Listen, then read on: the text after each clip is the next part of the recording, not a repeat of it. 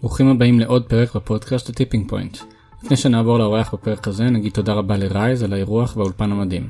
האורח שלי בפרק הזה הוא אדיר צימרמן, מנכ"ל ומייסד שותף בחברת סקרימו, חברה שגדלה מרעיון לחברה גלובלית מיפן ועד ארצות הברית עם לקוחות מהגדולים בעולם כגון וולמארט, מייקרוסופט, קוקה קולה ועוד. אדיר שיתף אותנו בדרך הארוכה שעשו בסקרימו, עזרו להם תוכניות ההאצה התאגידיות שבהן השתתפו. הוא הדגיש את היתרונות והחסרונות בלעבוד עם תאגיד, מה קרה כשנתקלו במשרד סגור באמצע גרמניה, ועל שיחת הטלפון בה אמרו לו שמנכ"ל וולמארט רוצה לפגוש אותו. אדיר מדבר על הדרך הנכונה למכור לתאגידי ענק, על הקשיים שצריך לקחת בחשבון ועל ההבדלים בין הגישה הישראלית, אירופאית, אסיאתית ואמריקאית. אדיר הוא מנטור ותיק ועוזר לתאגידים לאמץ חדשנות דרך שיתופי פעולה עם סטארט-אפים, ומצד שני עוזר לסטארט-אפים להבין איך נכון לשתף פעולה עם תאגידים. לאחרונה אדיר ייסד את rainmakers.co.il, יוזמה שמטרתה להוות מנוע צמיחה להייטק הישראלי על ידי קידום תחום המכירות בקרב יזמים ואנשי מכירות. האזנה נעימה.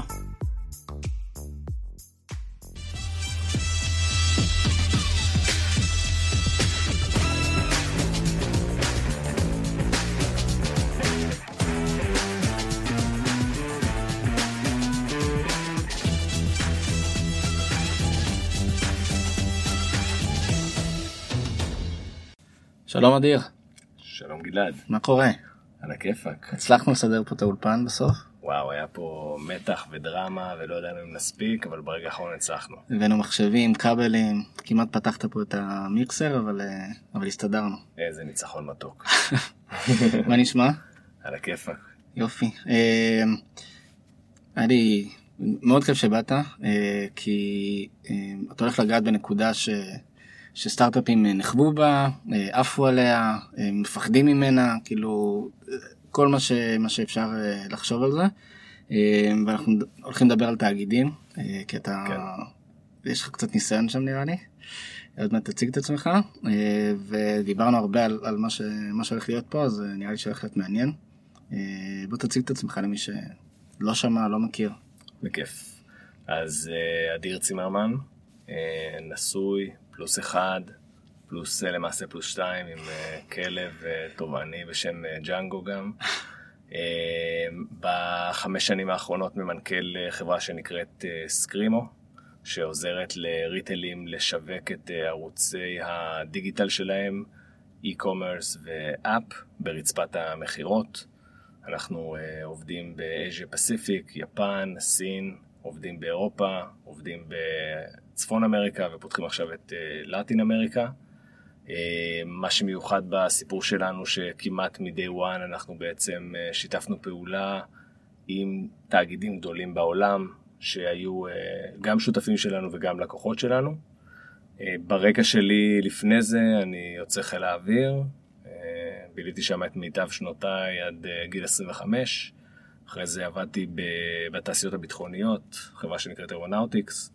ניהלתי פרויקטים של החברה מבחינה עסקית גם באפריקה וגם באירופה. ואז נדבק בי חיידק היזמות, והחלטתי לבנות את עצמי באטם-אפ. הלכתי לאוניברסיטת תל אביב, למדתי מדעי המחשב וכלכלה. במקביל, בחברה שעבדתי בה כמנהל, ירדתי לכיסא המתכנת, סטודנט פשוט, וזכיתי לעבוד עם אנשים מדהימים בפיתוח של, של אירונאוטיקס, וללמוד הרבה דברים שעזרו לי בהמשך הדרך, עשיתי את זה במקביל ללימודים. אחרי שסיימתי את הלימודים, גם סיימתי דרכי באירונאוטיקס, ויצאתי לדרך היזמית, ו... ומכאן הסיפור של סקרימו מתחיל, כן. רק ככה שנחבר את המאזינים, אז אני לפחות התחלתי בסקרימו. במשחקים של מכבי, מכבי תל אביב ביד אליהו, נכון. שפתאום עולה על המסך איזשהו שאלון כזה, ואומרים לך בוא תענה תוך כדי, ואתה רואה את הפרצוף שלך מפייסבוק, את התמונה שלך מפייסבוק עולה, וגם חלק מקבלים פרסים. זה היה כזה אינטראקציה מאוד מגניבה באותם ימים, היום, היום כאילו לפחות בכל השידורי NBA אני רואה שזה מאוד נפוץ, ככה המאזינים שלא מכירים אתכם, אז, אז כנראה נתקלתם בהם פה ושם. ואנחנו הולכים לדבר קצת על, על פילים. זה נכון, חיה אהובה עלינו. חיה אהובה עלינו, גדולה. פילים. זה פודקאסט ליזמים והולכים לדבר על פילים. נכון, נכון. אז בוא נדבר קצת על פילים ותאגידים ואיך אתה רואה, כי נתת לי את האנקדוטה והיא ממש מגניבה. אז קודם כל אומרים לרקוד עם פילים. ולמה, ולמה זה התחיל ומאיפה זה מגיע. אז אני קורא לתאגידים פילים כי בסוף פיל זו החיה הכי גדולה בג'ונגל. והיא יכולה להיות טובה לנו וגם מסוכנת לנו. כשאתה מטפס על פיל, אם אתה מטפס על הפיל הנכון, הוא ייקח אותך מרחק אה, גדול מאוד, אתה תיראה גדול לכל האחרים, למרות שאתה קטן. כל האיומים שלך. בדיוק, ואתה בעצם אה, רץ קדימה. אה, אממה, יש לזה גם downside, שאם אתה עולה על הפיל הלא נכון, הוא יכול לקחת אותך לכיוון הלא נכון, ושם אתה יכול לסיים את הדרך. או חלילה אם תיפול מהפיל הוא גם יכול לרמוס אותך. אה, ואם אנחנו משתמשים באנלוגיה הזאת לתאגידים, זה בדיוק אותו דבר. זאת אומרת, אנחנו, כשאנחנו מטפסים על התאגיד האידיאלי שאנחנו חושבים באותו רגע, אה, אנחנו צריכים לוודא שאנחנו עושים את זה נכון, שאנחנו לא נופלים, שהעסקה הזאת לא נופלת. אה, אנחנו צריכים לוודא שהתאגיד לא ייקח אותנו למקומות שאנחנו לא רוצים, או ירמוס את הרצונות שלנו ואיפה שאנחנו רוצים להגיע, או שאנחנו מהמרים על תאגיד אחד ובסוף נמצא את עצמנו אה, בלי שום דבר, ומכאן אה, המטאפורה הזאת אה, התחילה. גם צריך גם להגיד שפילים, מן הסתם תאגידים יש להם את הכסף שלהם. אתה צריך לדעת גם לשרוד את כל, ה, את כל התקופה הזאת, כלכלית, אתה יודע, כל מה שבא עם זה. נכון, נכון. אני, אני בשנתיים, שלוש האחרונות, רץ עם איזושהי הרצאה שנקראת לרקוד עם פילים. ההרצאה הזאת התחילה במקור דווקא לצד התאגידי, אה, שבאתי לאנשי תאגידים וסיפרתי להם על האתגרים בלעבוד עם סטארט-אפים ואיך זה נראה מהצד של הסטארט-אפים להצטרף לתוכניות שלהם. אה, אבל עם הזמן אה, התחלתי להתבקש גם לעשות אותו דבר לטובת הקהילה, וזו התרומה שלי חזרה, ואחד מהדברים באמת שאנחנו מדברים עליהם, זה כל הדגשים האלה של... איך לעשות את זה ולהיות מודעים לנושא של הקצב והתשלומים, דברים שלפעמים הם, אה, הם סטארט-אפ killers, לא רק deal, deal, deal killers. כן. אה, אוקיי, אז בוא באמת אה, קצת נפרט על התאגידים, גם אם יש לך אולי, אתה יודע, דוגמאות ספציפיות, אבל מה באמת מושך בתאגידים את הסטארט-אפים, ומן סתם מה צריך להיזהר, כי, כי הדברים האלה הם סיכוי סיכון די ברור. אה, תמיד, קודם כל תמיד אפשר להתחיל בלשבור פרדיגמה. אה, אני חושב שהפרדיגמה היא שתמיד אה, האינטואיטיבי זה לחשוב שאני צריך להתכונן ולהיות מוכן עד אותו רגע שאני הולך ללקוח קורפורט גדול. ולמעשה זה לא ממש נכון. כי תאגידים הם early adapters מדהימים. אה, יכולים להיות כמובן עם כל ההסתייגויות שדיברנו עליהן מקודם, אה, בהקשר של בסוף יש לך צ'מפיון שמאוד רוצה להכניס אינוביישן לחברה שלו, יש לו כסף בכיס, יש לו ריסורסים של אה, כוח אדם בתוך התאגיד, ואם יש מישהו כזה שרוצה אותך ואתה מצליח לייצר איתו relationship טוב, אתה יכול לזכות בלקוח מדהים שלא היית מקבל את זה מלצורך העניין עסק uh, small medium business שעכשיו מנוהל על ידי מישהו אחד, אבל יש לו את כל טרדת היום-יום ואין לו ממש קשב לתת לך. אה, אז זה אלמנט אחד. האלמנט השני זה בסוף ארגונים שמלאים בדאטה. אתה מקבל פה, בגיל נורא צעיר של החברה, אתה מקבל access עצום לדאטה. אני חושב שאנשי מוצר מכירים את הכאב הזה שבסטארט-אפים לוקח המון זמן, לפעמים גם שנה, שנתיים, שלוש. עד שאתה מקבל דאטה משמעותי על היוזרים שלך, ואתה יכול להתחיל באמת לעשות משהו עם הדבר הזה. פה כשאתה עובד עם חברות אה, גדולות, אתה מקבל את ה access הזה, ואתה יכול עכשיו להתחיל להבין דברים על המוצר שלך שלא הבנת אותם בצורה אחרת. אז כשאני עובד עם חברה כמו וולמארט, ואני לא נחשף רק לדאטה שעובר דרך המוצר שלי, אלא גם לדאטה אה, אחר, כמו חתך האוכלוסייה שנכנס, באיזה שעות, כמה כסף זורם לקופות, אני יודע לקחת את זה ולהשליך את זה על המוצר שלי ולשפר אותו ולעשות אותו יותר טוב. כן, יש פה גם, יש פה, נקודה ראשונה שלך היא מאוד חשובה, כי בדרך כלל סטארט-אפים אומרים אני אפנה לתאגיד בעוד שנתיים, שלוש, שיהיה לי כבר אה, כמה וכמה עובדים, שיהיה לי איזה account manager שיוכל להחזיק אותם כמו שצריך, שיענה לו כמו שצריך, שהמוצר שלי יהיה בלי בעיות מסוימות, ואתה דווקא אומר להפך. בואו בוא קחו אותם בתור early adapters, הם גם זזים לאט ואז עד ש... ועד שייקח זמן, אבל גם אתה אומר שיש להם את הדלת הפתוחה הזאת לדברים האלה. שזה משהו ש... ש... הרבה מיזמים שאני שומע עליהם מפחדים להגיע לתאגידים האלה. אני מניח שלכם, כשאתם פניתם לזה, לתאגידים, כן שמתם לב ש... שפתאום הדלתות נפתחות מהר ממה שציפיתם. זה לא הפריע לכם עם זה שהמוצר שלכם עדיין היה אולי בוסרי, אולי, אתה יודע, אולי לא, לא היה סגור עד הסוף? אז, אז כמה דברים. אחד, בנוגע לאיך אנחנו התחלנו ופנינו. לא הייתה פה איזו אסטרטגיה דגולה שישבנו ובזמן שחשבנו על החברה ועל החזון אמרנו, אוקיי, אנחנו נתחיל עם תאגידים. אלא פשוט פה בישראל יש לנו סיטואציה מאוד ייחודית. ובגלל זה אני גם ממליץ ליזמים שעכשיו מכירים את החברות שלהם, בעצם לבחון את, ה, לבחון את הדרך הזאת. אנחנו מסומנים בעולם כמקור לחדשנות, לאינוביישן, וזה גורם משיכה גדול מאוד לחברות בינלאומיות שמגיעות לפה לחפש innovation. הן לא מחפשות פה scale, הן לא מחפשות פה business, הן מחפשות פה pure innovation.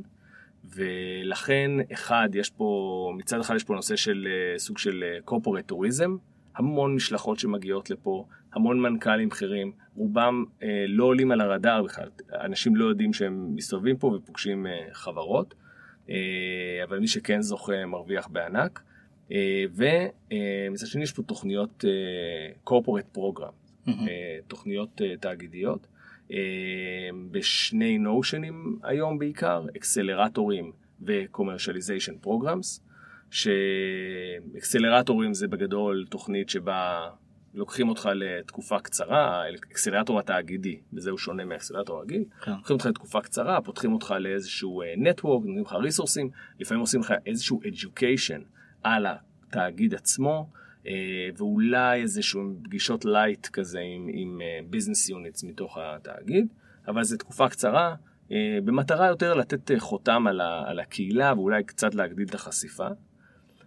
ויש פה חברות corporate שמגיעות ממש עם יעדים עסקיים ברורים, ואז זה מה שנקרא commercialization program, אני חושב שקוקה קולה הייתה הראשונה והחלוצה בסוג התוכניות האלה שהם פתחו פה את The Bridge, כן. נכון?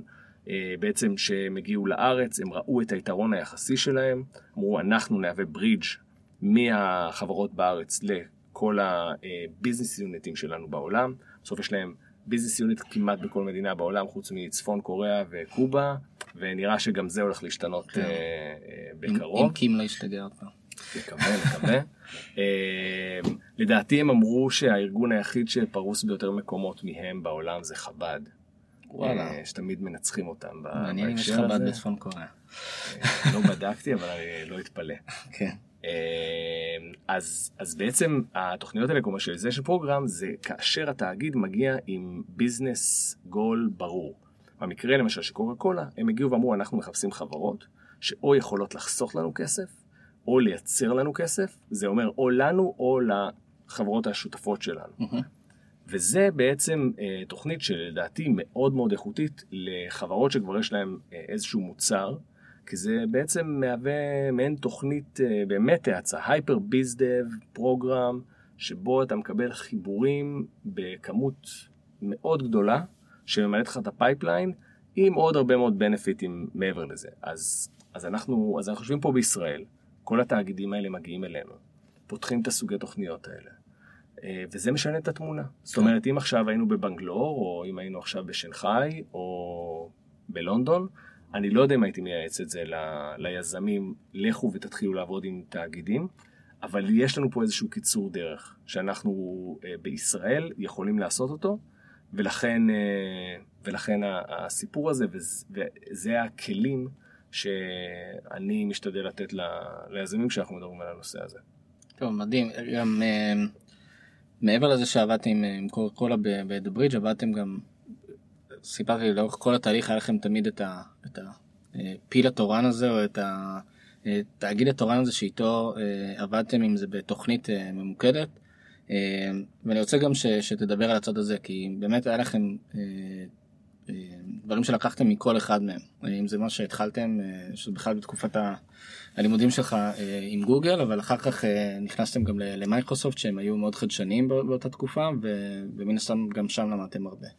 אז בואו ננסה אולי ככה לחשוב על כל אחד מה- מהפייזים האלה. נכון, אני, הפיל הראשון שלי, פגשתי אותו לגמרי במקרה, מה שנקרא, במסדרונות של אוניברסיטת תל אביב, שבעצם אה, פרופסור אה, יוסי מטיאס, דאז היה מנכ"ל מרכז המחקר של גוגל בישראל, היום הוא VP Engineering של אה, גוגל אה, Worldwide.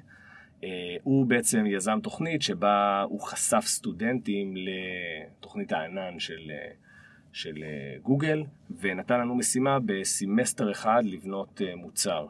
אה, כשמה שקיבלנו זה בעצם זמן ענן חופשי, אני אזכיר אז אה, תחילת תקופת הענן, ומצד אה, שני קיבלנו אה, access לצוות של גוגל, שעזר לנו בתור חבר'ה שאף פעם לא עשו מוצר להבין איך עושים את הדבר הזה.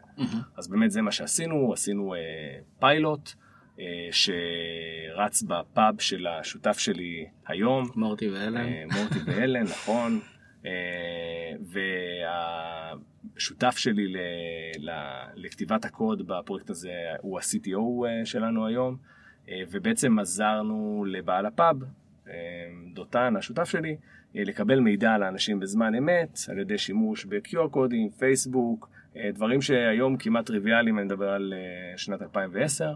אה, ו, וכל זה תוך כדי קבלת עצות אה, טובות מ, אה, מאנשים של גוגל, לימדו אותנו מה זה MVP, איך אה, לוותר על, אה, על עוד פיצ'ר, העיקר שיהיה לנו end-to-end product, כן. אה, וגם זכינו אפילו בפרס אקדמאי, זאת אומרת, אה. בגלל המודולריות של איך שבנינו את זה, זאת אומרת, אני מאמין שאנחנו הפרויקט היחיד מאוניברסיטת תל אביב, שזכה בפרס אקדמאי על אה, חדירה לפרטיות של אנשים בתמורה לצ'ייסרים. צ'ייסר, זהו. כן, אבל מה, זה פשוט. היה, בואו תגידו לנו שנכנסתם לפאב, ועשיתם משהו עם ה data הזה אחר כך, או שכאילו... שיקפנו אותו, כן, שיקפנו, עשינו dashboard לבעלים של הפאב. זה היה, אגב, זה, זה חשיבה, זה החשיבה שאחרי זה הניעה אותנו לכל עולם ה offline to online, הדבר הזה שראינו שבעצם כל אחד מחזיק על עצמו את המידע הווירטואלי הזה, ששווה הרבה מאוד לבן אדם, לבעלים של המיקום הפיזי. והוא גם מחפש אינטראקציה, זה נכון. לא איזה... בדיוק. אתה יודע, אתה לא מבקש ממנו לעשות איזשהו משהו ש... הדוגמה הכי טובה לזה זה באמת ההפסקות אה, במשחק כדורסל, לפחות ככה אני הרגשתי, זה שכאילו אתה יושב שם, אין לך מה לעשות, אז אה, לפחות אה, נכון. תקבל קצת תכנים על החב- על הקבוצה וכאלה. נכון. אה, אז, אז זה באמת, ככה, ככה, התחיל התחיל הפאשן שלנו לחיבור העולמות. כשגם כשהחלטנו לצאת לדרך עם, עם הסטארט-אפ, אז גם לא היה לנו איזו תוכנית גדולה לעשות שיתוף פעולה עם מישהו, אבל כשחיפשנו איך אנחנו יכולים לזנק קדימה, אז מייקרוסופט בדיוק הגיעה אה, לארץ. הם היו, אה, אני מדבר על אה, שנת 2012-2013, אה, כשמייקרוסופט נחשבו ל... ל-evil גדול פה, כן. אה, רשע, שרק אנשים שהולכים אה, בצבא ומתכנתים על אה, .NET משתמשים בזה, וכשאתה הולך לסטארט-אפ אתה בחיים לא תיגע בזה יותר. אה, והם היו צריכים לעשות פה שינוי תדמיתי מאוד אה, משמעותי, והם מאוד מהר הבינו את ה... איך, איך לעשות את זה, אני חושב. אה, אז צח ו... וחנן לביא הקימו פה משהו מדהים שהיה דאז אקסלרטור, כמעט זה ולא היה- אקסלרטורים באופק. אף אחד לא יודע איך לאכול את זה נראה לי. לקחו, כן, לקחו את המודל של אה, טקסטאר, הביאו אותו לארץ, אנחנו שמענו על זה שהיה מחזור ראשון, אה, וניגשנו למחזור השני, 400 חברות התראיינו, אה, רק אה, 12 התקבלו. זאת אומרת, באמת אה, אה, נבחרנו להיות אה, מה, מהקבוצה היחידה הסגולה כביכול. ניסיון, יגידו. כן, איך שתראה את זה, כן, אה, אבל, אבל זה יצר באז נורא חזק פה בקהילה. ובעצם ישבנו במשרדים שלהם בהרצליה, ובאמת יזמים יוצא חיל האוויר, שום קשר לעולם הזה, whatsoever, אה, אפס קשרים, באמת אפס קשרים ללקוחות, למשקיעים, והבאז שנוצר סביב זה גרם להרבה מאוד אה, בעצם משקיעים להגיע לשם ולבקר אותנו כל יום, כל יום. וככה הגענו למשקיעים הראשונים שלנו והגענו לאדוויזוריז של החברה. אה, נכנסנו לאקסלרטור עם מצגת, באמצע אה, כבר אה, מכבי תל אביב הפכו להיות הלקוחות הראשונים שלנו, ואז התעסקנו בעולם הספורט. ואיך שסיימנו את זה, עשינו roadshow בארצות הברית והצלחנו להביא את מדיסון סקוויר גארדן, שזה holy grail די רציני מבחינתנו, להיות לקוח בארצות הברית. וזה בגלל שהשתמשנו בעצם, ב, דיברנו על הלרכוב על הפיל, בעצם באנו תחת המעטפת הזאת של מייקרוסופט. אני לא עוד ארבעה אנשים אנונימיים שאף אחד לא מכיר מהצד השני של העולם, אלא אני בא עם, עם מייקרוסופט. אז באמת לקבל את, ה, לקבל את הקשרים האלה ולקוחות ראשונים בארץ ובעולם, זה נגיד יתרון מאוד מאוד גדול שהשיתוף פעולה פה נתן לנו.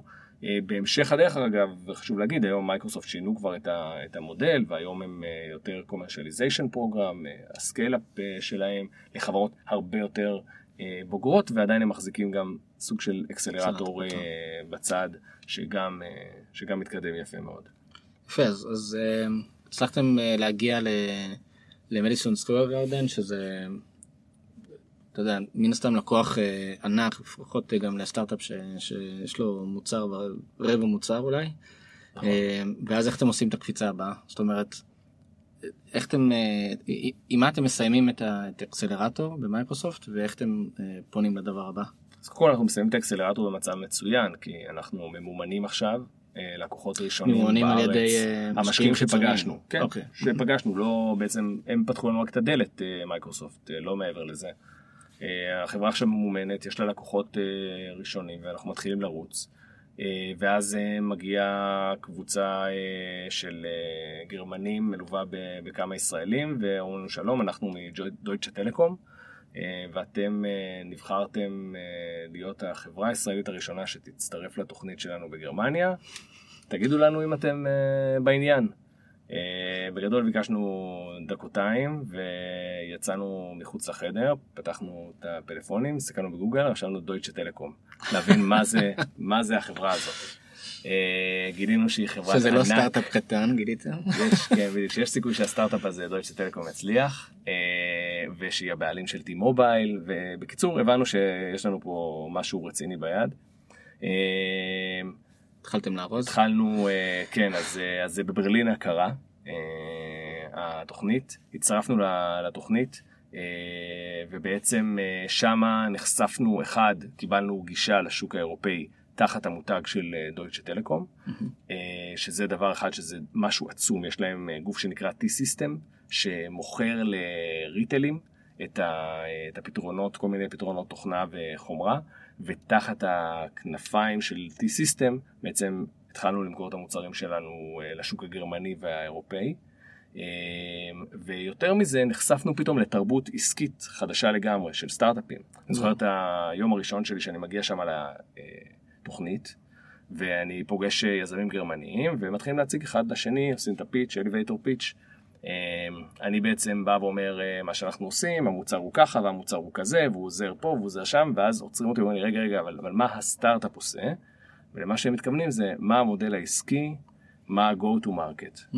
אמ, העניין שזה, הוא שבתור. סטארט-אפ ישראלי אתה לא ממש שם את זה, ואני, ואני מגיע מהעולם העסקי ועדיין לא הרגשתי שום צורך, אני חושב, אה, באמת לשים פה תוכנית מסודרת, אלא קודם לבנות את המוצר הכי מדהים שיש. כי זה הגישה שלנו בישראל, אנחנו בגישת ה- If you build it they will come. Uh, בניגוד להרבה מאוד מקומות בעולם, בטח uh, גרמניה, ששם הגישה היא show me the money. כשאותם יזמים גרמנים עשו לי את הפיץ', הם, הם התחילו במודל העסקי, ב-go to market, בסוף הם מספרים שיש פה גם איזשהו מוצר ששווה לדבר עליו, אבל זה ממש uh, גישה הפוכה. והמפגש הזה, אני חושב, עזר לנו לחדד מאוד את התוכנית העסקית שלנו, את ה-go to market שלנו. בכלל ההיתוך הזה של גרמנים ו- וישראלים, מי שחווה אותו, זה די מנצח. אנחנו סוג של, שנינו מדברים בצורה ישירה, אבל גם משלימים אה, אחד את השני. זהו, אני, אני גם חושב שזה איזושהי נקודה שאפשר לקחת אה, גם לסטארט-אפים שעכשיו רוצים לפנות לכל מיני אה, אקסלרטורים, או לא משנה מה, ב- ב- באירופה. שפה מאוד מסתכלים באמת על, על, על המוצר שלך ומה הפוטנציאל שלו, ושם, לפי מה שאתה מתאר לפחות, מסתכלים על, על איזה שוק אתה הולך, ו, ומה המודל העסקי שלך, ו, ומה התוכנית העסקית שלך, דברים שהם, לפעמים יש, יש סטארט-אפים שאתה, שאתה שומע שאחרי שלוש שנים הם מתחילים לכתוב את התוכנית העסקית שלהם, כי, כי מישהו שאל אותם. אה, לפעמים, אתה יודע, הצעדים הראשונים, אף אחד לא חושב על זה פה. נכון וזה גם וזה גם זאת אומרת זה גם גישה זה לא שאף אחד לא חושב על זה פה אני חושב זה רואים את זה זה מאוד מובהק בוואלי הגישה הזאת של uh, if you build it they will come. אני גם שומע כמישהו שמסתובב בארצות הברית תמיד יש את הטרוניה הזאת uh, מול החבר'ה שיושבים שם במגדל השן uh, בוואלי שהם בכלל לא חושבים על הצד העסקי של זה, אבלואציות מנופחות וכדומה. אנחנו די דומים בהקשר הזה אנחנו מסתכלים רחוק יש יתרונות לשיטה הזאת ולשיטה הזאת. בהחלט לא נורא לחטוף ככה סטירת לחי באיזשהו מקום ולהתאפס מאוד חזק על הצד העסקי, אני חושב שזה מאוד השפיע על, ה-DNA שלנו בהמשך הדרך. אוקיי, okay, אז יצאתם, יצאתם מדויטש טלקום uh, גם? הצלחתם uh, להגיע מן הסתם להרבה לקוחות, או שזה היה יותר קשה ממה שהיה לכם לפחות, אתה יודע, ב accelerator של, של מייקרוסופט? קודם כל זה, זה, זה לגמרי שונה, זאת אומרת, בתוכנית הזאת אנחנו נכנסנו במטרה עסקית, זה היה המטרה שלה. אה, כמו כל דבר, היו דברים מדהימים שרצו לנו בקצב מטורף, אה, ו... אבל שם גם היה לנו חוויה, אני חושב, חוויה שלימדה אותי ש corporateים עושים pivotים יותר מהר מכל, אה, מכל סטארט-אפ ש... שאנחנו מכירים. וואלה, מה תסביר? אנחנו בעצם הגענו אליהם כי עשינו אינטראקציות בין מובייל למסך, באותו זמן הם שלטו בשליש מהמסכים הדיגיטליים באירופה. בעצם דיברנו שם עם יחידה עסקית שזה מה שהיא עשתה. אה, אחרי חצי שנה של תוכנית, שאנחנו כבר בקשר אה, לקראת אה, עסקה ממשית עם, ה, עם אותה קבוצה, יצא הדוח השנתי של דויטשה טלקום כחברה ציבורית, ושם התוצאות לא היו ממש טובות לקבוצה הזאת, ובכלל היה שנה שם לא, לא פשוטה. וזהו, כמה ימים אחרי זה, פשוט בניין שלם עם אלפי אנשים, התרוקן לו מהאנשים, סגרו את הקבוצה. העבירו את כל המסכים הדיגיטליים אה, לספק אה, אחר. וזהו, ולך תחפש עכשיו את אה, כל מי שהשקעת בו חצי שנה. וואו. אז זה, זה לקח ככה חריף, דיברנו על הסכנות שיש בפילים, אז זו סכנה. וחברה שאין לה עוד לקוחות יכולה ממש להסתכן בזה, למזלנו זה לא היה סיטואציה אצלנו, אבל זה ככה סטירת לחי להתעורר ולהבין מה, מה זה אומר לעבוד עם, ה, עם החיות הגדולות האלה. כן, אתה אשכרה אה, מגיע יום אחד למשרד והוא נעול. אה, סוג של בדיוק, בדיוק. אה, אתה שומע על זה, אבל לראות את זה בעיניים זה תמיד יותר אפקטיבי. כן. אז מה, אז איך אתה, איך ממשיכים משם? כאילו, הייתם באיזושהי נקודה די בהיי, מדברים על היי ולואו של היזמים, אז זה נראה לי פה איזה, איזה צוק קטן שנפלתם ממנו. כן, אני חושב, אני חושב שבשלב הזה אנחנו די סיכמנו שהיה לנו חוויה די חזקה עם, אה, עם הנושא הזה של תאגידים, וזה גם התחיל להתגלגל לעוד ועוד אה, בעצם מותגים שהתחילו לדבר איתנו. זאת אומרת, ראו שאנחנו במייקרוסופט, ראו שאנחנו בדויטש טלקום, ועכשיו מתחילים לגשת אלינו עוד ועוד corporates אה, בבקשה לשיתוף פעולה. ואז, ואז הגיעה קוקה קולה. קוקה קולה הגיעה לארץ עם, עם גבי. ו... גבי היזם. גבי צ'רטוק. כן. אה, שניהל את התוכנית, אה, וזה נשמעה תוכנית אה, מדהימה. אנחנו בשלב הזה במעין ספק אם אנחנו עוברים משוק הריטל לשוק ה... סליחה, משוק הספורט לשוק הריטל. משהו ש... נכון, חשוב להגיד, בדויטש סלקום היה לנו עוד ביזנס יוניטים שהיינו איתם בקשר, זאת לא הייתה היחידה, אבל שם ספציפית ההזדמנות הזאת שהייתה יחסית גדולה נעלמה לנו. אה, אבל סך הכל החוויה שלנו הייתה חיובית והיה פה מומנטום והתחלנו לעבוד עם אה, עוד, אה, עוד חברות מה, מהתחום, בעיקר באותה תקופה, בעיקר באירופה. אייז'ה פסיפיק התחיל להיפתח לנו באותה תקופה, אבל היינו כל הזמן על הקצה של בעצם חיינו יותר בעולם האיבנטים והספורט. דויטשה טלקום כבר אמרו לנו, תשמעו, העתיד שלכם זה עולם הריטל, אבל כאן אמרנו, אה, אין מצב שהזנב יקשקש בכלב, hmm. ותאגיד גדול יגיד לנו מה לעשות, כי זאת הסכנה. תמיד יש את התחושה שזה תכל'ס זה אחד הפחדים, שיבוא תאגיד גדול, ישים לך מספיק כסף על השולחן ויגיד לך, אם תלך לכיוון ההוא, אתה תקבל ממני עסקה. ולכן הנטייה שלנו הראשונה, כשאמרו לנו לכו לשוק הריטל, היא הייתה לסרב. אמרנו, אנחנו לא, אנחנו מפחדים שבעצם דויטשה טלקום מפנה אותנו לכיוון שאנחנו לא רוצים. אה, אבל כשתחילה... מה החששות מהדבר הזה? כי בסוף היום בדיעבד מן הסתם קל להגיד, אבל אני חושב שגם אז הסתכלת על ריטיילס, על חוויה שהיא בתוך uh, חנות, לצורך העניין, והסתכלת על איבנט של ספורט או משהו אחר, זה חוויות שהן uh, מאוד ברורות לכולם. למה כל כך פחדתם דווקא מחוויה שהיא בחנות? כאילו, אתה זוכר מה אז... היה ה... אז כן, אז, אז קודם כל, קודם כל, אה, בוא נזכור שאנחנו מדברים על 2014-2015, יש אה, לפחות מ-50% מהאנשים יש סמארטפונים, אנשים חושבים שזה קרה מזמן, אבל אה, זה היה המצב. זה בערך התקופה שבה הסמארטפונים הסינים הזולים התחילו להגיע לעולם, והמחירים ירדו משמעותית, ואז כולם התחילו להשתמש בסמארטפונים. ואז זה לא ממש הגיוני לעשות את זה על רצפת המכירות, זאת אומרת, זה דורש ראייה טיפה יותר קדימה. אה, זה דבר אחד, ודבר שני זה בדיוק הקטע האינטואיטיבי הזה, כי לפני שהתחלנו לעבוד עם הקורפורטים תדרכנו את עצמנו ואמרנו אוקיי, יכול להיות שיהיה הרגע הזה שבו יגידו לנו הנה כסף גדול, אם תלכו לכיוון אחר מהכיוון שאתם נמצאים בו עכשיו, אמרנו אנחנו צריכים להזכיר לעצמנו שתאגיד אחד שיבוא ויבקש מאיתנו זה, זה לא מספיק. זה mm-hmm. יכול להיות שזה פשוט צורך במקרה פרויקטלי פנימי שלהם, הם הופכים אותנו פשוט לחברת פיתוח שלהם, ואנחנו לא נעשה את זה, אה, ולכן, ולכן החשש הגדול. אה, אממה, כשכבר הגיעו לנו שני תאגידים ואמרו את זה, אמרנו, אוקיי, שניים כנראה לא טועים, ולקחנו את, ה, ולקחנו את הסיבוב. הפגישה שלנו עם uh, התוכנית של קוקה קולה שדיברתי עליה בהתחלה, שהיא commercialization program, uh, היא הייתה uh, life changing, ממש. זאת אומרת, בסוף תוכנית שבה אתה יושב שישה חודשים.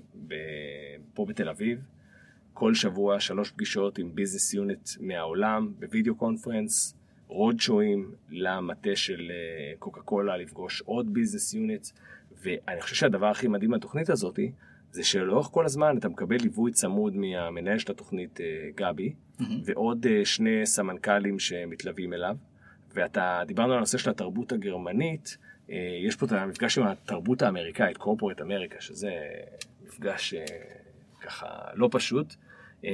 אנחנו נכנסים לחדר, אה, יודעים, אה, כולנו קראנו Start-Up אה, Nation, ואנחנו יודעים שהם מעריצים את ה-The Israeli חוצפה, אה, נכנסים ביהירות הישראלית האופיינית, מסבירים להם בדיוק מה הם צריכים. אה, והם מנגד אומרים לנו וואו, amazing, great, אה, בהתנהגות האופיינית האמריקנית. We'll talk to you later. ובלי, כן, אתה, אתה לא יודע באמת מה קורה שם, אתה יוצא החוצה, וחמש דקות אחרי שאתה יוצא בעצם מגיעים הצוות של התוכנית, והם מגיעים ומספרים לך את האמת בפנים. זאת אומרת, מה הלך שם בחדר, מה הפידבק האמיתי גם בהתנהלות שלך בתוך הפגישה וגם לגבי המוצר ולגבי הכל, mm-hmm. שזה אה, מדהים. עכשיו, למה הם עושים את זה? כי המטרה של התוכנית היא לגרום לעסקאות בין הסטארט-אפים לבין החברה. ואז יש כל האינטרסים מיושרים לכיוון הדבר הזה, שבפגישה הבאה אתה תהיה יותר טוב, ובפגישה אחרי זה תהיה יותר טוב. לגבי דאז בתוכנית הראשונה הייתה מטרה, להביא פיילוט אחד לכל אחת מהחברות. עכשיו צריך להבין שזה אתגר מאוד מאוד גדול. קוקה קולה, חברה שקיימת מאה ומשהו שנים, סל uh, סייקל של 24-36 חודשים, ועכשיו נותנים פה לישראלי ולשני סמנכ"לים להביא פיילוט לעשר חברות ישראליות בתוך שישה חודשים. מטורף. אתגר מטורף. אז זה דורש המון שיתוף פעולה מהחברה וגם uh, עבודה מובנית ובאמת כל הכבוד לצוות שם על, על העבודה שהוא עשה, ולנו זה היה אה, מחנה אימונים מדהים, שכמובן הוביל גם לתוצאות. אז בעצם נפגשתם כמעט כל שבוע עם ביזנס יוניט אחרת בתוך קוקה קולה, וניסיתם כן. למצוא אם יש אה, התאמה למוצר שלכם? נכון, בדיוק, וגם במקרה של קוקה קולה הם גם השתמשו אה, בשותפות שלה. זאת אומרת, mm. למשל, אחת העסקאות שיצאו לנו מהתוכנית הזאת, זה היה עסקה עם חברת SAP, עם SAP, שהיא שותפה שלהם. אז uh, זה באמת uh, משהו, uh, יתרון גדול. ועוד משהו לגבי קוקה קולה, בסוף הם, הם המותג הכי גדול בתחום שלנו. ברגע שאנחנו נכנסנו לתוכנית שלהם, גם הם הפכו להיות שותפים שלנו, ובהמשך גם לקוחות שלנו. הדבר הזה בעצם סגר לנו את הפינה על ה-brand recognition. מאותו רגע, כל חברה שמדברת איתי ואני אומר לה, תקשיבו, אתם מכירים את קוקה קולה, הם פיקסל פרפקט, אין סיכוי שהם יקחו מוצר שהוא לא מבושל, סקיילבל, עובד בצורה סימלס, ואני בעצם יכול לרוץ קדימה, זה היה משהו שהוא באמת אה, היה life changing. מדהים. אה, אז היום אתם נמצאים אחרי אה, קוקה קולה, נכון. מן הסתם. אה, פניתם לשווקים אחרים, אה, אמרתי גם שנכנסתם אה, לשוק אה, של אסיה, אה, שהוא גם, אה, דיברנו קודם על תרבויות, אה, תרבות אחרת לגמרי, אה, אני אפילו לא יודע איך האינטראקציה שם, שם של, אה, אתה יודע, של אה, סמארטפונים עם אה, מסכים גדולים, אני- פשוט יודע שהם תרבות אחרת לגמרי מאיתנו, אז נכון, נכון. אז, אז ככה, אז מילה אחת על, ה, על, ה, על אסיה, יוצא לדבר הרבה מאוד עם, עם אנשי מכירות בזמן האחרון על היתרון של Asia Pacific אל מול, אל מול המערב. זה לא ממש קשור ישירות לנושא שלנו, אבל צריך להבין משהו על Asia Pacific. הם רצים מאוד מהר, הם היום מתקדמים יותר מהמערב בכל מה שקשור ל mobile consumption. אה, הם צורכים את ה mobile שלהם בצורה אחרת, בצורה ספציפית סין, שזה כמובן צריך להבין שב Asia Pacific בסוף כל מדינה יש לה את המאפיינים שלה, זה עולם משלו, אבל למשל בסין, אה, החבר'ה שם בעצם גדלו אה, בזה, בזה שאין להם PC בבית ומשלמים בקאש, במזומן על הכל. ובעצם כשהגיעו הסמארטפונים, הסמארטפונים הם המחשב הראשון שלהם, מהמם. וגם אמצעי התשלום הראשון שלהם. הוא מתחבר ישירות לחשבון הבנק שלהם. זאת אומרת, אין להם בכלל את המחסום הזה שלנו יש, של לעבור מדסקטופ למובייל, ומ credit card ל mobile payment. אין להם את זה, כי זה הדבר היחיד שהם הם היו מכירים. תקועים. אה, לנו זה היה קיצור דרך מדהים. אגב, גם לסין הגענו דרך מייקרוסופט, שהכירה לנו חברה שנקראת Ping An, אה, חברת ענק ב- בסין, וככה נכנסנו בכלל, נחשפנו ונכנסנו לשוק, ה, לשוק הסיני. אה, אני, אני חושב שאולי ב... אה, אני יכול לספר עוד הרבה דברים על אה, דברים מדהימים שיצאו לנו מהשיתופי פעולה האלה, כמו לדוגמה שבזכות התוכנית של קוקה קולה הגענו אה, לוולמארט. מהמם. יום אחד, פשוט לפני שנה וחצי פחות או יותר, קיבלתי טלפון, שלום אדיר, מנכ"ל וולמארט העולמי, דאג מקמילן, מגיע לארץ ורוצה לפגוש אותך. סוג הטלפונים שכיזם אתה אומר, וואו, אה, וולמארט החברה הכי גדולה בעולם, אה, והפגישה הזאת מגיעה אליך. עכשיו זה לא סתם קרה, זה בסוף היכרות של קוקה קולה איתנו, של מוכתר קנט, מנכ"ל קוקה קולה איתנו, ועבודה מאוד חזקה פה של הצוותים שמביאים את אותם קורפורט לארץ, אה, וככה אתה נחשף אל, ה, אל הדברים האלה. אז יש המון יתרונות לעבוד בתוך הדבר הזה, ואם להחזיר אותנו לנקודה הראשונה שבה התחלנו, אה, אני, אני יודע שתמיד אה, אתה אוהב בפודקאסט שלך לדבר על, על טיפים, אז אה, אולי באמת אה, להשאיר את המאזינים עם אה, כמה טיפים איך, איך עושים את זה, איך הולכים לתוכניות האלה, משתמשים בהם כ, כקיצור דרך, כן.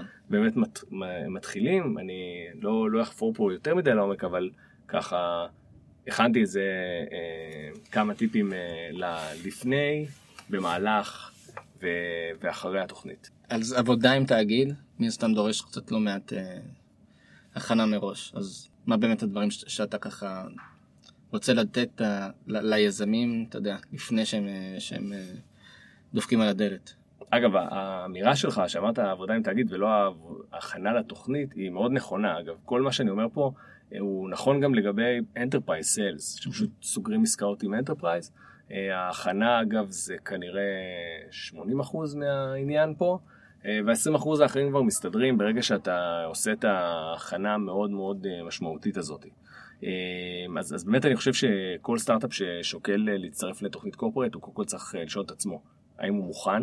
האם הוא מסוגל לעשות את זה? אה, ובהקשר הזה, אה, צריך להבין שלהיות מוכן זה גם להבין שרק עוד שמונה חודשים יהיה לך את המוצר שה corporate יכול להשתמש בו היום. צריך לבוא באיזשהו notion של oversell ל corporate ים, רק צריך לוודא שאנחנו הולכים to deliver. כן, אבל, הזה. אבל כשאתה אומר אה, שהסטארט-אפ צריך להגיע אה, מוכן, אז אתה אומר המוצר צריך להיות אה, בשלב מסוים, אבל לדעת שאתה הולך to deliver רק עוד חצי שנה פלוס. נכון. אה, איזה עוד דברים אתה חושב שהם, אתה יודע, מהותיים לפני שאתה בכלל אה, אה, מתחיל לפנות לתאגיד הזה? הייתי מוודא שלפחות יש לי מישהו אחד בצוות שיודע לקחת את הסיבוב ב- בעבודה מול corporate ים גדולים. זאת אומרת, אם אנחנו עכשיו שלושה ארבעה אנשים טכנולוגיים, כנראה שלא הייתי הולך על זה. אם אין איזה מישהו שהוא business side, שעכשיו יודע לפתח את ה relationship ולחיות בתוך הדבר הזה, ואוהב ללכת ל... לארוחות אה, ממלכתיות אה, אם צריך בתוך התוכנית, או לעמוד על במה ולעשות את ה pitching כמו שצריך, או לשבת בתוך הפגישה ולנתח את ההתנהלות של מי, ש, מי שמולך. אז זה משהו שבהחלט אה, הכרחי כשאתה הולך לדבר הזה. וריסורסים בכלל, צריך להבין שתוכניות כאלה הם time consuming. בסוף אתה צריך לשבת שם, להיות זמין לכל הפגישות שמסדרים לך, לטוס לחו"ל מתי שהם מבקשים לך לטוס, גם אם יש לך עכשיו ספרינט מטורף לעשות איזה ריליס שאתה צריך אה, להוציא אה, בעוד, בעוד שבוע, אתה מנתק הכל, אתה הולך לפי מה שהם אומרים, ואני חושב שזה ברמת המוכנות. הדבר השני זה לראות שאתה מבין בכלל למה התאגיד הזה הגיע לארץ ועכשיו הקים את התוכנית הזאת. יש כאלה שפשוט באים ואומרים, אנחנו לא רוצים להיות Nokia הבאה, אנחנו לא רוצים פשוט להיכחד מהעולם. Mm. יש כאלה שאומרים, אנחנו מחפשים innovation, אה, ובמחפשים innovation יש שני notion ים. יש כאלה שמחפשים innovation ואומרים, תשמע, אני מחפש innovation, כי הנה, זה מה שזה הולך לעשות לי מבחינה עסקית. אני הולך לחסוך כסף או לייצר כסף בגלל הדבר הזה. Mm-hmm. ויש את אלה שהם כזה lip service, הם אה, בעצם חברה ציבורית, צריכה להראות למשקיעים שהם מתעסקים ב innovation. והם עושים את זה בשביל זה. צריך לדעת להיזהר מי אלה אה, ולחקור אה, לעומק. זה באמת הטיפ האחרון לפני התוכנית, זה לעשות due diligence מאוד משמעותי על התוכניות שאתם הולכים אליהן. תבינו מי מנהל את התוכנית, אה, דברו עם סטארט-אפים שהיו שם, אם זה פעם ראשונה שהקורפורט הזה מריץ את התוכנית. אז אפשר לשאול חברות פה בישראל שעבדו עם הקורפורט הזה, כן. ולוודא מה, מה הם יודעים להשיג. להקשיב למה היעדים העסקיים, אם בכלל קיימים שם יעדים עסקיים. אנחנו במהלך הדרך, היו לנו אה, פילים מדהימים ושמאוד נהנינו מהם, אבל גם מצד שני פסלנו הרבה מאוד תוכניות שהחלטנו לא ללכת אליהם כי הבנו שאין שם, אין שם באמת את התוכן הזה, או את ה, לא, לא נצליח לייצר win-win situation אה, לשני הצדדים ברגע שאנחנו הולכים לזה. כן, זה גם אה, תמיד זה שמות מאוד נוצצים כאלה, ותמיד... החבילה תמיד אה, מפנקת מאוד ואתה אה, מאוד מתפתה לזה ובאמת האתגר פה הוא גם להבין אם אתה מוכן וגם להבין אם התאגיד מוכן, אם התוכנית מוכנה לקלוט אותך מבחינת מה שאתה רוצה לעשות. נכון. אה, עכשיו בוא נדבר על רגע, אתה יודע, נכנסת, התיישבת, מה עכשיו? אז כמו כל דבר, אתה נכנס, אתה נקשר, אתה, ואתה מתכונן לטיסה. בגדול, תמיד להתחיל עם ה- begin with an end in mind. אה, זאת אומרת, תבין בדיוק מה אתה רוצה להשיג בסוף התוכנית. תוכנית בסוף של 4-6 חודשים זה כלום זמן, זה טס. אתה לא מספיק שום דבר כמעט.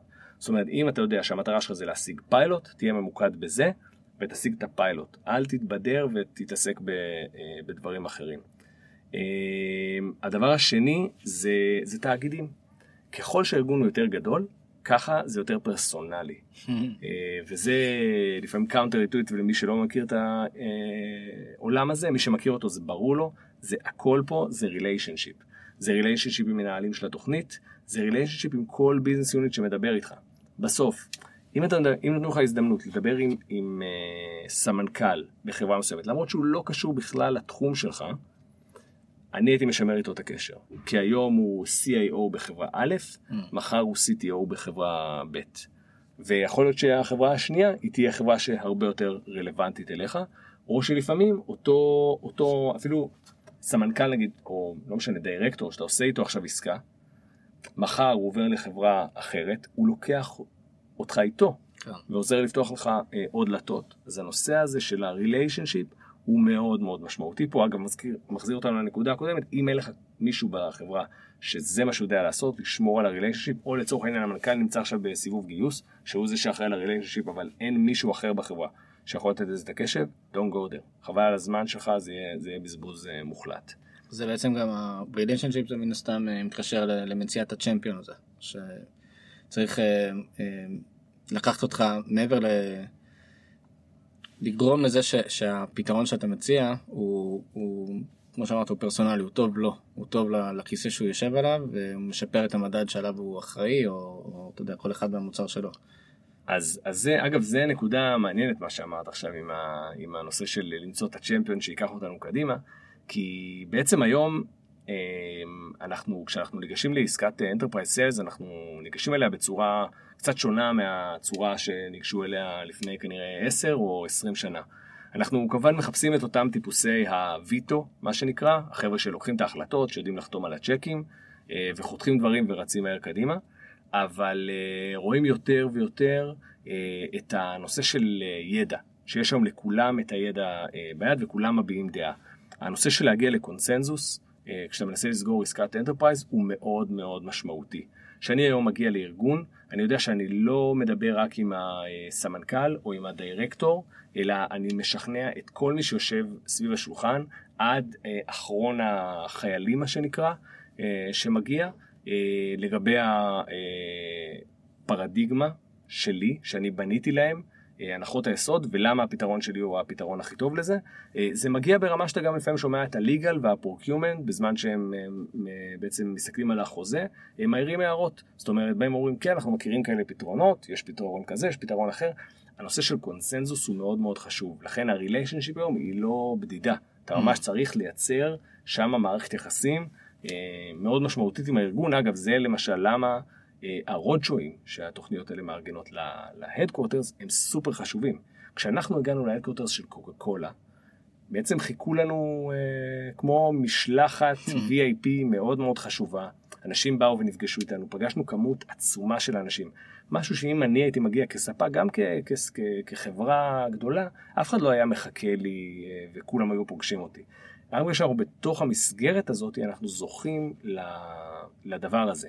אז זה בדיוק מה שנותן לי אותו, אה, אותה, אה, אותה תוכנית, זה לפתח relationship בצורה רוחבית בתוך הארגון, להגיע לקונצנזוס, להגיע ל champion ים שלי, וככה סוגרים היום עסקת enterprise אה, בצורה הכי טובה. תשמע, אבל זה גם מאוד קשה להגיע לקונצנזוס. זאת אומרת, כל אחד, כמו שאמרת, זה, מאוד, זה, זה הופך מהר מאוד להיות מאוד פרסונלי, ואז כל אחד מנסה... לקחת את זה לכיוון שלו, אה, אתה יודע, פתאום אתה מגלה שאתה בכלל רוכב על איזשהו סכסוך בין אה, שתי יחידות ש... ש... שפשוט שונות לעבוד אחת עם השנייה ואתה מנסה לדחוף להם איזה מוצר. שאמור לתת להם איזשהו שיתוף פעולה או משהו כזה. אה, לצערי בינדר דנדה, אנחנו מחברים את עולם האופליין ועולם האונליין ויש מחלקות שמתעסקות בזה, מחלקות שמתעסקות בזה ואנחנו שם באמצע. נכון, זה מאתגר. Enterprise Sales זה דבר קומפלקס, מאוד מורכב, אה, צריך לדעת לעשות את זה. אה, כמו בכל עסקה, you win some, you lose some, אין פתרונות אה, קסם בדברים האלה, אבל מה שמנצח בסוף זה pipeline. אגב, אם מדברים על, על pipeline, אחד היתרונות הגדולים של עבודה עם קורפורטים, תאגיד זה בעצם, אנשים לא יודעים את זה, אבל זה בסוף קבוצה של business unit. זה יכול להיות עשרות, מאות או אלפים. ודיברנו על you win some you lose some, אז נכון, אז במקום אחד אני יכול להיכנס לאיזה סכסוך, כמו שאמרת, בין, בין הצוותים של האופליין והצוותים של האונליין, אבל אז business unit אחר, ששם הדברים מיושרים, אני אזכה בעסקה. ומה שקורה כשאתה מתעסק עם התאגידים האלה, ה pipeline שלך מתמלא בעשרות של עסקאות מזה שיצרת קשר עם כמה תאגידים ממ. בודדים. וזה אני חושב דבר מאוד מאוד משמעותי, שלפחות אצלנו מאוד מאוד השפיע על ההכנסות אה, לאורך השנים. אמ, אז, אז זה אני חושב, זה הטיפים למהלך התוכנית. אגב, גם פה, אני עוד פעם מזכיר, דיברנו על בוא נהיה ב relationship עם כולם וקונצנזוס, resource management. בסוף, resource management, אתה צריך לדעת להחזיק את הצוות שלך ולתת את, את, את מה שאתה יכול לטובת התוכנית הזאת ולא יותר מזה. אמ, עכשיו, הדבר, הדבר האחרון בנוגע לתוכניות האלה זה ש... אה, עוד, עוד דבר שלא חושבים עליו בהתחלה, זה הנושא שדווקא השלב של אחרי התוכנית, זה השלב היותר מהותי. כשאנחנו עבדנו עם קוקה קולה, אנחנו הצלחנו להביא פיילוט אחד. פיילוט זה לא הכנסה גדולה, אה, פיילוט זה לא החלום עם קוקה קולה, אבל בעצם הפריצה המשמעותית הגיעה בתקופה שאחרי זה. כי בעצם אה, תמיד צריך להסתכל על הנושא הזה של ה alumni programs שלהם. מה קורה לחבר'ה שמסיימים? אני חושב שמייקרוסופט עושה את זה בצורה מדהימה עד היום. מאוד מאוד דואגת לחבר'ה שלהם בכל העולם, אגב, כל, ה, כל התוכניות שיש להם אה, בכל העולם. וגם עם, עם קוקה קולה אנחנו הגענו בעצם למקום המהותי של אה, עובדים איתם כמעט 15 מדינות אה, מסביב לעולם, מאותו פיילוט קטן שעשינו בשוודיה במהלך, ה, במהלך התוכנית. אז, אז כאן הדגשים הם בעצם אחד, להשאיר את הקווים פתוחים. לזכור, לחזור ולבקר ו- ו- ולתרום ולהביא חברות טובות חדשות לתוכנית כדי שהתוכנית תמשיך להתקיים. אה, איפה שאפשר, לתרום חזרה כי זה בסוף אקו סיסטם שכל עוד הוא קיים אתה מרוויח ממנו. אה, וכמובן מגיע הדבר הקטן הזה אחרי התוכנית שאתה צריך לדלבר את מה שהבטחת. כן. אה, בסוף הלכת, פגשת מלא ביזנס יוניט, כן, סיפרת לכולם כמה זה הולך להיות מדהים, לקחת גם, אה, הרשית לעצמך להשתולל קצת עם ההבטחות, כי אתה יודע שייקח להם איזה לפחות 6, 8, 12 חודשים, עכשיו פתאום אתה צריך לדלבר, ופה צריך לזכור, אתה כבר לא סטארט-אפ מגניב ואינובטיבי, אתה ספק של החברה הזאת. אז, אז בהקשר הזה, תוצאות. בדיוק, אתה צריך להביא תוצאות, וכאן אה, זה הפוקוס של אחרי התוכנית אני חושב. אה, והדבר האחרון, תשתמש ב corporate כבעצם אה, פותח דלתות ל corporate הבא שלך. כן. זה, זה בסוף מה שמוביל. אנחנו הגענו ממייקרוסופט לדויטשה טלקום, שקוקה קולה הגיעה לארץ אמרה אוקיי מייקרוסופט ודויטשה טלקום כבר איתם, הצטרפנו אליהם, שוולמרט הגיע לארץ אמרה הם מכירים ועובדים עם קוקה קולה, בואו נעבוד איתם. בעצם הכל כל הזמן מתגלגל ויש פה עוד המון המון המון קורפורטים אה, בצד שככה התחילו אה, לעבוד איתנו. אז אה, לזכור את הדבר הזה. אה, טוב היה, היה לי מאלף אה, גם היה איזשהו נקודה אחת שאמרת באמצע ש, שנוגעת למשהו שאתה עושה באופן אישי שזה כל נושא ה enterprise sale. אה, זה איזושהי יוזמה שהתחלת לעבוד עליה שסיפרת לי שהיא כבר אה, רצה תקופה ארוכה בארצות הברית ואתה מנסה להנחיל אותה פה אז אה, תסביר כי כי אני חושב שסיילס בארץ דיברנו על זה קודם בטלפון אה, הוא עדיין בחיתוליו במיוחד אתה יודע בתור בן אדם שראה את ה... איך זה מתנהל בארצות הברית במיוחד בעולם של סטארט-אפים שאתה צריך לעשות הכל בצוות של ארבעה אנשים אז מה זה בעצם קהילה, יוזמה, איך, איך אתה קורא לזה? אז, אה, אז כמי שמכתת אה, רגליו ואוכל חצץ אה, בעולם sales, שאני אישית מאוד מאוד אוהב אותו ויש לי passion גדול אליו, אנחנו גדלנו פה כ, כיזמים בתוך קהילה מאוד מאוד תומכת ועוטפת. בכל מקום שאתה רוצה יש לך מנטור, קל להיפגש מאוד עם מנכ"ל אחר ולהתייעץ איתו, תוכניות עד אינסוף, פודקאסטים, בלוגים, מיטאפים. אה, כמה שאתה רוצה. כשאתה חוצה את הקווים ואתה מתחיל לעשות פה ביזנס אמיתי בארץ, אה, בעצם זה under, under spoken topic, hmm. בעצם לא מדברים עליו מספיק. אה, הנושא הזה אגב הוא לא בחיתוליו, הוא פשוט לא מדברים עליו. Hmm. יש פה טאלנטים בינלאומיים מאוד מאוד מוכשרים, שמצמיחים פה חברות בקצבים מטורפים, ואף אחד לא יודע שהם קיימים, ואף אחד לא זוכה לקבל את הידע שלהם. עכשיו, אני, אני מאוד מאמין, אחד, בכוח של, של קהילה, ושתיים, אה, אומרים שכשהים עולה, אז אה, כל הספינות עולות אה, ביחד. ואם אנחנו באמת רוצים להשפיע פה על ההצלחה של המדינה שלנו, אנחנו מדברים היום על המעבר בין ה Start-Up Nation ל Scale-Up Nation. אם אנחנו באמת רוצים להשפיע על הדבר הזה בצורה מהותית, אנחנו חייבים ללמד את כולם לעשות enterprise sales כמו שצריך, וגם מהארץ. זאת אומרת, יש היום, היום כמעט בצורה אוטומטית, אני מגיע לשלב מסוים, אני עושה רילוקיישן לכל ארגון הסיילס שלי, אה, למדינה אחרת. זה לא משנה אם מזרחה או, או מערבה, ו, ולא מנצל מספיק טוב את הטאלנטים אה, פה בארץ. אני, אנחנו היום בעצם עובדים על קהילה כזאתי, שהיא תשתף פעולה עם קהילה שנמצאת בארצות הברית ונקראת Enterprise Sales Forum, שגם עברה תהליך מאוד מאוד דומה שם עם הצמיחה של הסטארט-אפים והצורך שלהם להבין איך עושים את הדבר הזה. קהילה גדולה שהיום נמצאת ב-20 אה, ערים בארצות הברית והתחילה להתפרס ברחבי העולם, אז בקרוב יתפתח הצ'פטר התל אביבי. אה, ואני מקווה מאוד אה, שמי שיעקוב אחריי בערוצי הסושיאל נשים גם את הלינק בתיאור הזה. מעולה. ישמע ויראה אה, חדשות ממש ממש בקרוב על, על אירועים ראשונים של הקהילה. טוב, מגניב. אז נגענו, אתה יודע, בחלק קטן מכל התיאוריה שבנית וגם פרקטיקה שבנית מכל מה שקרה לכם בסקרימו. אה, מן הסתם היה לכם גם קצת ספרים שעזרו לך בדרך, אני מניח.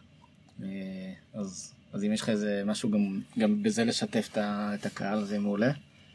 אז, אז אני אודיו אדיקט, אני בכל רגע נתון עם אה, פודקאסט אה, באוזן, או אה, ספר של אודיבל. ואני ממליץ ככלל לכולם לחבור לערוץ הזה של האודיו כצריכת, כצריכת תוכן. לקחתי ספר אחד שאני ממליץ עליו בהקשר של מה שדיברנו ופודקאסט אחד שאני פשוט מאוד אוהב. אז הספר הוא The Challenger Sale, שבדיוק נוגע בנקודה שדיברנו על הנושא של קונצנזוס והנושא של בעצם איך אתה ניגש ושובר את הפרדיגמה שמגיע הלקוח איתה ומסביר לו, מראה לו איזה שהן הנחות שונות על העולם שמובילות למוצר שלך. אני אוהב את הספר הזה משתי סיבות, אחד הוא גם אמפירי, מדבר, זה בסוף סוג של מחקר שנעשה, וגם נותן תוצאות, מדבר על, ה, על נותן כלים פרקטיים של איך להמשיך. זה סוג של level, level 101 בהקשר של להיכנס לעולם ה enterprise, או שינוי פרדיגמה למי שעד היום מכר בצורה מסוימת, אני בכל מקרה ממליץ עליו בחום, כמובן גרסת האודיו שלו זמינה. Challenger Sale. The Challenger Sale, ומבחינת פודקאסט זה How I Built It with גיא רז, בעצם פודקאסט מדהים שמביא את היזמים הכי גדולים בעולם, שמספרים את הסיפור האישי שלהם על איך הם, איך הם בנו חברות. בדיוק שם באמצע של פרק על בן אנד ג'ריס וזה פשוט אתה יודע אתה שומע את זה ואתה פשוט לא מאמין שככה הדברים קרו. כאילו זה פודקאסט מדהים. גם ערוך כיפי גם סיפורים אדירים. מאוד כיף לשמוע אותו. מסכים מסכים. זה זה פודקאסט שהוא ממש יכול לתת השראה ולשנות את הצורה שאתה שאתה חושב בה וזה הוא באמת מצליח לרדת לרמה הפרסונלית עם אותם uh, יזמים uh, מדהימים, אז uh, זה שני האודיו קונטנט שאני ממליץ uh, בחום עליהם. מדהים. Uh, טוב, אדיר, היה לי ממש כיף. אני בכלל לא מגיע מהתחום של הסיילס, אבל uh, תמיד נשמע לי כזה מאתגר, אתה יודע, סבבה, תבנה משהו. זה, זה כמו עץ נופל באמצע יער, אם אף אחד לא שמע אותו, אז האם הוא באמת נפל? אז אם יש לך מוצר טוב, אבל אף אחד לא קונה אותו. נכון. אז האם באמת בנית מוצר? תודה רבה, היה סופר מגניב. ושים לינקים, אנשים יעקבו אחריך, יצטרפו. בכיף, תמיד אפשר להגיע אליי בכל הרשתות החברתיות, אני מאוד זמין, לינקדין, פייסבוק, אינסטגרם, אדיר זימרמן עם אם אחת, קל מאוד, ונשמח לשוחח עם כל מי שרוצה להעמיק בנושא הזה של Enterprise Sales, ולהפיץ את הבשורה פה בישראל לטובת כולנו. אחלה, תודה רבה. בכיף. מקווה שנהניתם מהטיפים של אדיר. מוזמנים לשתף את הפודקאסט ולהירשם אליו דרך אפליקציות הפודקאסטים שלכם. נתראה בפרק הבא.